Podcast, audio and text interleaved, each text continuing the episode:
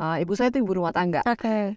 Jadi ibu saya selalu bilang uh, kalau jadi perempuan, apalagi sekolah udah tinggi-tinggi, harus berkarya. Oke. ibu saya selalu. Wow, ya. Karena kalau berkarya uh, itu akan self fulfillment dan itu akan bagus untuk kamu, untuk saya. Itu Mhm. itu yang saya selalu pegang dan kenapa sampai saat ini saya tetap berkarya.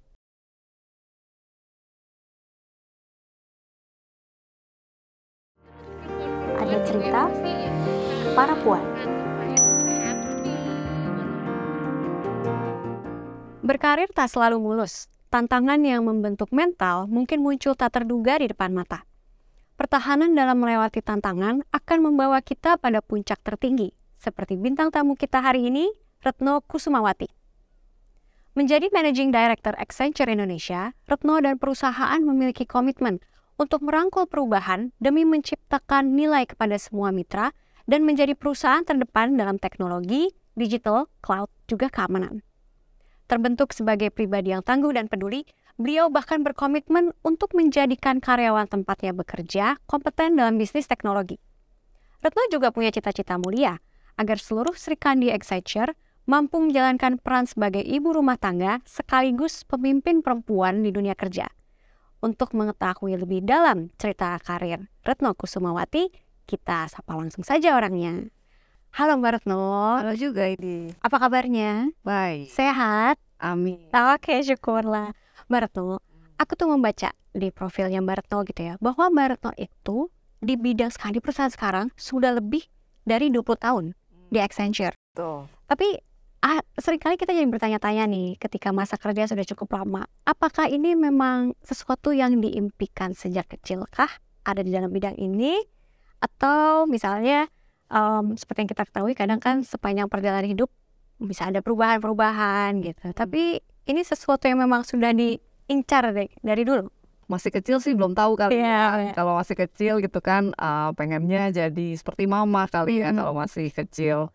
Terus as uh, waktu saya makin dewasa, terus saya tuh pengennya kerja kantoran lucu. Oke. Karena saya pikir kalau kerja di kantoran asik nih bisa pakai baju-baju gitu yang Baju-baju rapi. Iya baju-baju rapi gitu. Jadi itu salah satu impian. Jadi lucunya adalah karena keluarga saya kebetulan uh, keluarga pengusaha ya. Jadi waktu itu saya bilang ke keluarga saya, ah, ah mau kerja gitu. Terus mereka bingung, mau kerja? Iya, kenapa?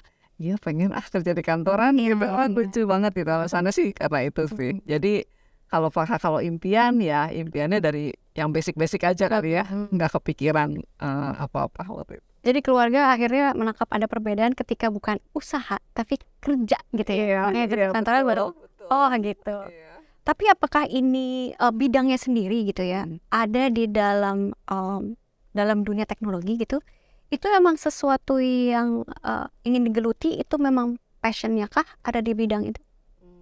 Mungkin gini sih ya, waktu saya uh, lulus uh, dulu ya kuliah, terus saya uh, berbincang-bincang dengan din saya gitu kan, terus uh, beliau bilang, eh cobain yuk perusahaan consulting, terus dijelasin gitu ya, kayaknya saya tertarik banget Oke. karena uh, perusahaan consulting tuh saya lihat tuh sangat menarik ya, di mana kita bisa memberikan uh, advice Mhm. uh, ke klien-kliennya, terus secara untuk gimana cara untuk improve proses, terus gimana improve teknologi gitu kan. Jadi waktu itu saya memang uh, melamarnya di perusahaan consulting sih. Oke. Dan kebetulan uh, yang cocok waktu itu adalah Accenture. Ya, jadi uh, saya enjoy sih. Wow. Jadi memang akhirnya lebih ke arah consultingnya yang eh, jadi passionnya Iya. Mbak Retno sebetulnya. Lalu ada nggak sih dalam perjalanan awal banget sampai akhir titik sekarang, kalau misalnya Mbak Retno melihat lagi sosok yang akhirnya jadi penting, jadi essential dalam hidup dan perjalanan karir ini? Jadi selama saya berkarir ya dari mungkin dari dulu dari kecil sosok itu kan selalu banyak ya Betul. sekeliling Iya. kita ya. Jadi uh, memang saya tidak punya panutan yang oh harus seperti dia gitu. Tapi saya mengambil esensnya apa plus dan minusnya dari seseorang yang ada di lingkungan saya. Mhm. Either itu adalah keluarga saya, peer saya, supervisor saya dan semua teman-teman saya. Mhm. Jadi saya berusaha mengambil apa yang positifnya saya lihat wah dia bagus gini nih aduh ini oke nih jadi saya coba lihat apakah itu something yang mungkin saya bisa terapin dan kalau misalnya ada sense of yang bagian perlu diimprove-nya itu akan jadi pembelajaran juga buat saya. Di mana saya melihat oh iya ini mungkin hal-hal seperti ini sebaiknya dihindari. Jadi itu gimana cara saya uh, meng- mengembangkan boleh dibilang ya uh, to be where I am today. Ah, tapi memang sejak awal sudah punya goal pribadi bahwa uh, ketika aku uh, berusaha atau aku bekerja, aku ingin berada di posisi yang uh, position of influence, menjadi seorang leader. Oke, kalau itu sih mungkin as kita makin senior ya, Mhm. nggak mau kan di push ke sana. Cuma saya ingat ibu saya selalu berpesan kepada saya, uh, ibu saya itu ibu rumah tangga. Oke. Jadi ibu saya selalu bilang, uh, kalau jadi perempuan, apalagi sekolah udah tinggi-tinggi, harus berkarya. Oke. yang saya selalu Wow, ya. karena kalau berkarya uh, itu akan self fulfillment dan itu akan bagus untuk kamu, untuk saya. Itu itu yang saya selalu pegang dan kenapa sampai saat ini saya tetap berkarya. Wow, itu nasihat berharga banget ya dari Iya. seorang ibu. Sis, uh, dia sangat suportif sih. Wow. Bicara soal suportif, eh, rasanya dalam 20 tahun itu kan pasti em, kalau sudah makan asam garam, berarti sudah merasakan pahit manis. Ada ada apa aja tuh, Mbak Retno? Negatif, positif yang dialami gitu? Positifnya kali ya. Hmm. Hmm, positifnya lebih banyak positif sih, Oke. dibandingkan negatif. Terus terang uh, karena saya kebetulan uh, kerja di Accenture ya. Mhm. Jadi Accenture itu memang sangat apa ya kondusif gitu buat mendorong kita to be menjadi orang yang lebih baik. Uh, bukan cuman dari hard skill, tapi juga soft skill. Jadi itu uh, banyak positifnya lah yang saya ambil, di mana saya tuh uh, saya melihat sendiri diri saya tuh sangat berkembang. Jadi kalau dulu itu kecil tuh saya lebih kayak seperti introvert gitu. Oke. Jadi saya tuh kurang mau gitu, nggak berani gitu kan Benar. uh, untuk mengungkapkan pendapat saya Oke. gitu kan. Uh, saya tuh malu. Jadi kalau misalnya ke mana-mana aja, ibu saya selalu bilang, aduh jangan dusun dong gitu, Oh, Oke. Uh, nyapa dong gitu. Karena saya tuh nggak berani gitu. Oh, iya. Tapi uh, kalau dilihat dulu sama sekarang tuh beda banget gitu. Kalau sekarang tuh saya berusaha untuk lebih ada inisiatif, nyapa orang, state what I have in mind, uh, of course uh, professionally gitu ya. Dan itu saya merasa pembelajaran diri saya sangat jauh ya uh, berkembangnya. Itu dari segi positif kalau as uh, apa manisnya ya. Betul. Dan memang lingkungannya juga enak ya. Iya. Di Accenture tuh kita benar-benar bahu membahu. Karena kan kita kerja by project based ya. Jadi waktu kita ngerjain suatu project, either itu tiga bulan, enam bulan, atau even tahunan, itu benar-benar apa ya positif banget gitu. Oh. Jadi kita nggak pernah ditinggal sendirian. Even at my level now yang posisinya udah tinggi ya, uh, selalu banyak orang yang bantuin saya Oh. either itu from my team, uh, peer, bahkan dari supervisor saya, bukan cuman dari uh, Indonesia ya, Ya. karena Accenture kan perusahaan global ya. Itu tapi dari luar juga. Jadi supportnya itu benar-benar sangat luar biasa kalau saya bilang. Dan itu Oh. membuat uh, kenapa saya sampai 20 tahun lebih ya di di perusahaan ini. Itu banyak positifnya. Kalau ditanya pahitnya ya. Kalau ini pahitnya apa? Saya lebih bilang mungkin challenge kali ya. Oke. Challenge-nya adalah karena kita kan perusahaan consulting. Mhm. Jadi Accenture itu juga perusahaan global. Mhm. Jadi klien-kliennya eh, perusahaan-perusahaan besar lah Hmm. boleh dibilang gitu. Yang mereka juga udah advance, orang-orangnya juga knowledgeable. Mhm. Jadi uh, projectnya lumayan challenging sih Oh, rata-rata. wow. Jadi itu uh, ya ups and down ya. Mhm. Cuman saya sih berasa really enjoy it karena selalu belajar gitu. Selalu Oh. ada hal baru di mana saya pikir oke dengan saya yang udah segini lama yang uh, saya udah banyak kerjain project di dalam negeri, di luar negeri gitu ya. Uh, Ternyata selalu banyak hal-hal yang aja baru, ya, ada ya. aja. Dan mungkin karena saya berkecimpungnya juga di teknologi ya. Mhm. Jadi teknologi ini kan sangat, aduh drastis banget ya perkembangannya. Apalagi semenjak kita pandemik ya, Iya. bisa dilihat gitu. uh, di mana teknologi itu mungkin wah berkembangnya boleh dibilang udah 10 kali kali Iya. dibandingkan kalau nggak Iya. ada pandemi. Betul. Nah itu yang menurut saya sih uh, suatu hal yang challenging tapi benar-benar memupuk untuk kita ngelihat dari positifnya. Dari semua hal yang udah Mbak Retno alami gitu ya, uh, uh, the challenges-nya sendiri, lalu support yang didapat gitu ya. Ketika akhirnya uh, masuk dalam leadership di Accenture, akhirnya Mbak Retno punya visi yang ingin uh, dicapai. Ada visi pribadikah mungkin atau visi yang ternyata akhirnya menjadi sangat uh, apa ya relate dan uh, tersinergi dengan baik di Accenture. Kami ini Accenture ini perusahaan global ya, tapi kita ada di Indonesia. Jadi satu yang saya uh, yakin banget dan saya berasa apa this is the right thing to do adalah to keep our culture, Mhm. Indonesian culture. Jadi kalau Indonesian culture itu benar-benar teamwork. Terus kita tuh kalau bantuin sungguh-sungguh gitu, Oke. bantuin. Ya, Jadi itu adalah uh, salah satu hal yang memang jadi visi saya Mhm. gimana kita saling membahu untuk achieve uh, kita maju sama-sama uh, melangkah ya. Jadi Iya. untuk sukses sukses sama-sama. Iya. So far kayaknya sih uh, menuju ya menuju ke arah menuju yang- ya. ke arah sana Sesuai ya. ya, sesuai gitu ya. Dan yang berikutnya lagi adalah saya tuh perempuan. uh, perempuan nggak nggak terlalu banyak ya uh, perempuan yang di posisi leadership. Oke. Jadi saya banyak melihat tim saya juga give up itu terutama pada saat mereka uh, menikah, misalnya ya, punya pasangan, Iya. terus udah gitu nanti punya anak. Iya. Uh, apalagi anaknya masih kecil-kecil baru Hmm. lahir gitu ya mereka tuh selalu uh, bingung gitu aduh kayaknya nggak deh gitu kan nggak bisa melanjutkan karir lagi Oke. karena prioritasnya of Iya. course ya. Jadi saya mau uh, bertekad bahwa bisa kok bisa, tapi memang nggak bisa punya semuanya gitu loh. Kalau saya bilang punya semuanya apa? Pengen karir bagus, pengen punya keluarga yang oke Oke, banget, pengen iya, iya, spend iya. time with the family as much as we can, pengen punya personal life Iya, juga. iya. Kadang-kadang kan kita banyak maunya ya.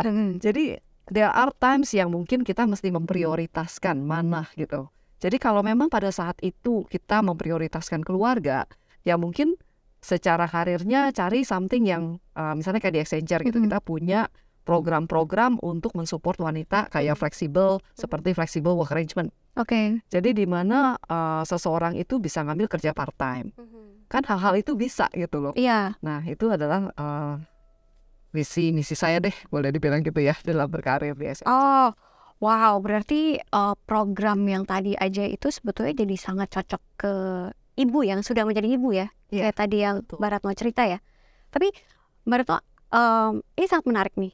Yang soal ada program-program yang mendukung perempuan di Accenture. Tapi kalau uh, saya boleh mundur dikit aja ya. Tadi um, Mbak Retno cerita bahwa buat yang ibu bisa, buat yang ini bisa. Uh, artinya kan tipnya sebenarnya beragam ya, Mbak ya. Boleh cerita dikit juga gak sih? Timnya Mbak Retno tuh seberagam apa sih? beragam banget ya dari yang baru lulus ya masih muda-muda begitu kan terus udah gitu ada yang saya kategori mungkin ada yang masih youngster gitu kan terus ada yang medium lah ya yang Iya. udah cukup senior Udah, Dan udah ada- mulai nikah gitu ya. dan ada yang udah Udah Senior. established. Oke. ya jadi memang beragam sekali sih kita punya dan justru berag beraneka ragam ini yang membuat kita eh, apalagi yang youngster yang membuat kita tetap muda tetap berjiwa muda Ketarik sama ini ya, ketarik sama mereka ya. it's always fun Dengan keberagaman kayak gitu, akhirnya Mbak Retno merasa kayak, oh, sepertinya saya punya uh, leadership style uh, seperti ini nih gitu. Akhirnya Mbak Retno menemukan itu juga nggak sih sepanjang jadi pemimpin perusahaan, uh, pemimpin perempuan di Accenture? Kalau saya uh, pribadi ya, Hmm. Saya percaya dengan authenticity ya, Hmm. genuinity. Oke. Jadi kalau kita genuine, kita punya uh, uh, authentic uh, leaders, Hmm. kita memang genuine terhadap the person interest. Uh, I believe, saya percaya orang-orang juga akan bisa melihat itu, tim Hmm. akan melihat itu dan mau ikut kita ya, Hmm. dan mengerti arah kita, arah perusahaan mau ke mana. Oke. Ya, itu yang uh, saya terapkan ya. Hmm. Dan of course memang kan uh, beda genre, Mhm. cara kita menghadapi juga beda ya. Persoalan yang challenge-challenge-nya juga berbeda. Iya, Jadi mesti memang dilihat gitu loh. Misalnya kalau yang muda-muda itu kan haus akan build capabilities gitu. Iya, ya. iya. Gimana nih? Wah, mesti memupuk skill gitu Iya, kan. aku pengen bisa gini, aku pengen bisa Iya, gitu. Jadi dia kan maunya banyak Mm-mm. juga ya.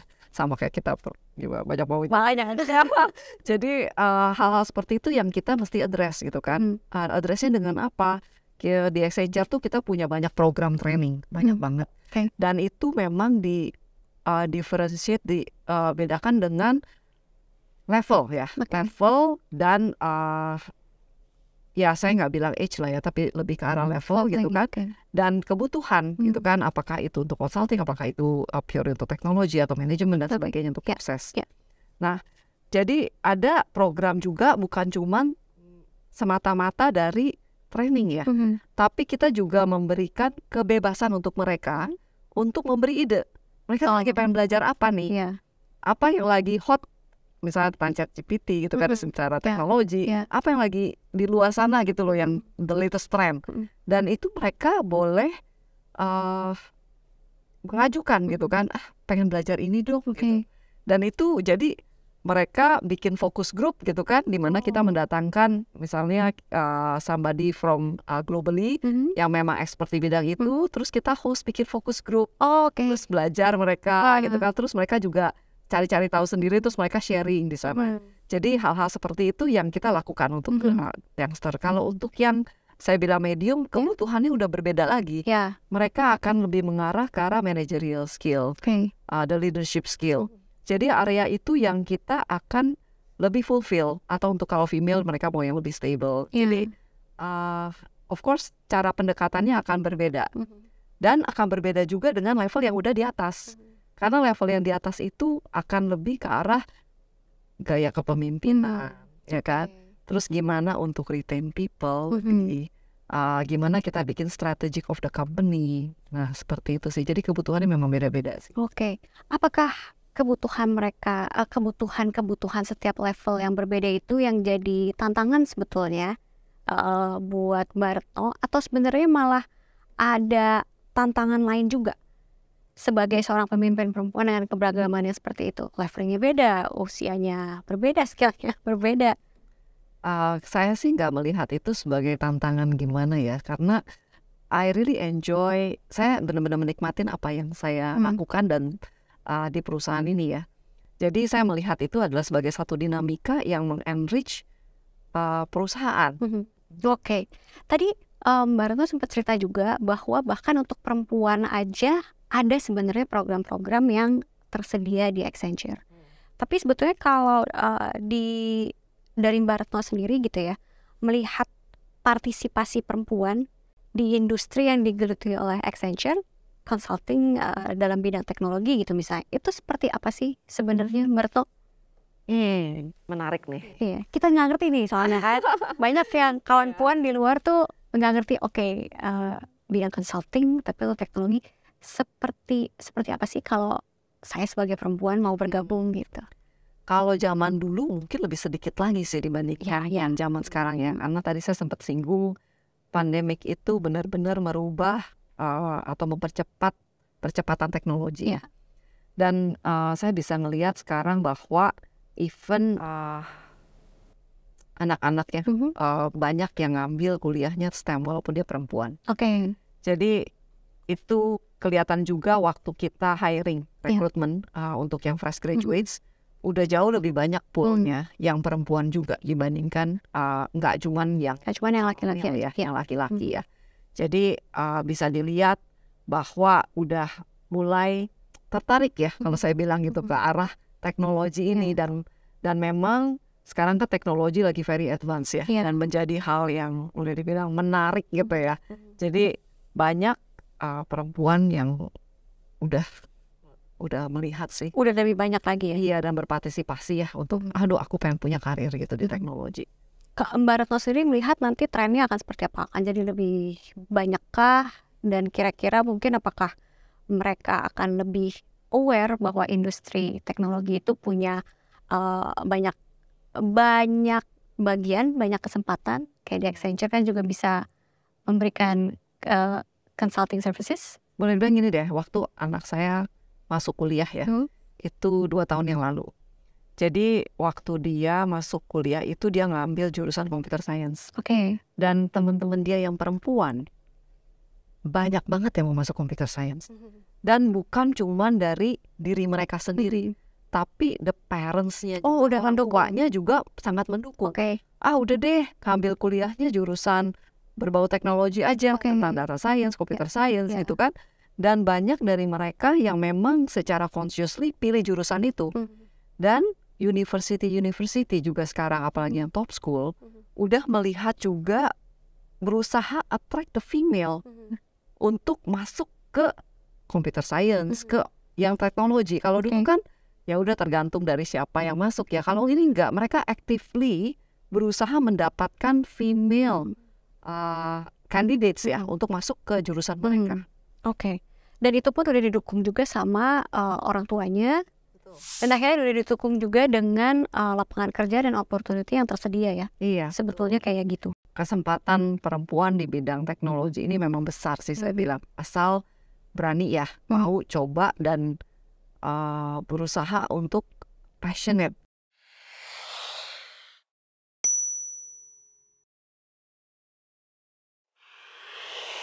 itu dengan adanya gender balance ya perempuan itu bisa memberikan angle yang a different insight Hmm. ya kalau saya bilang ya Ya.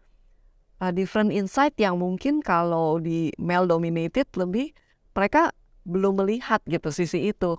Nah, jadi dengan adanya gender equality ini jadi melengkapi ya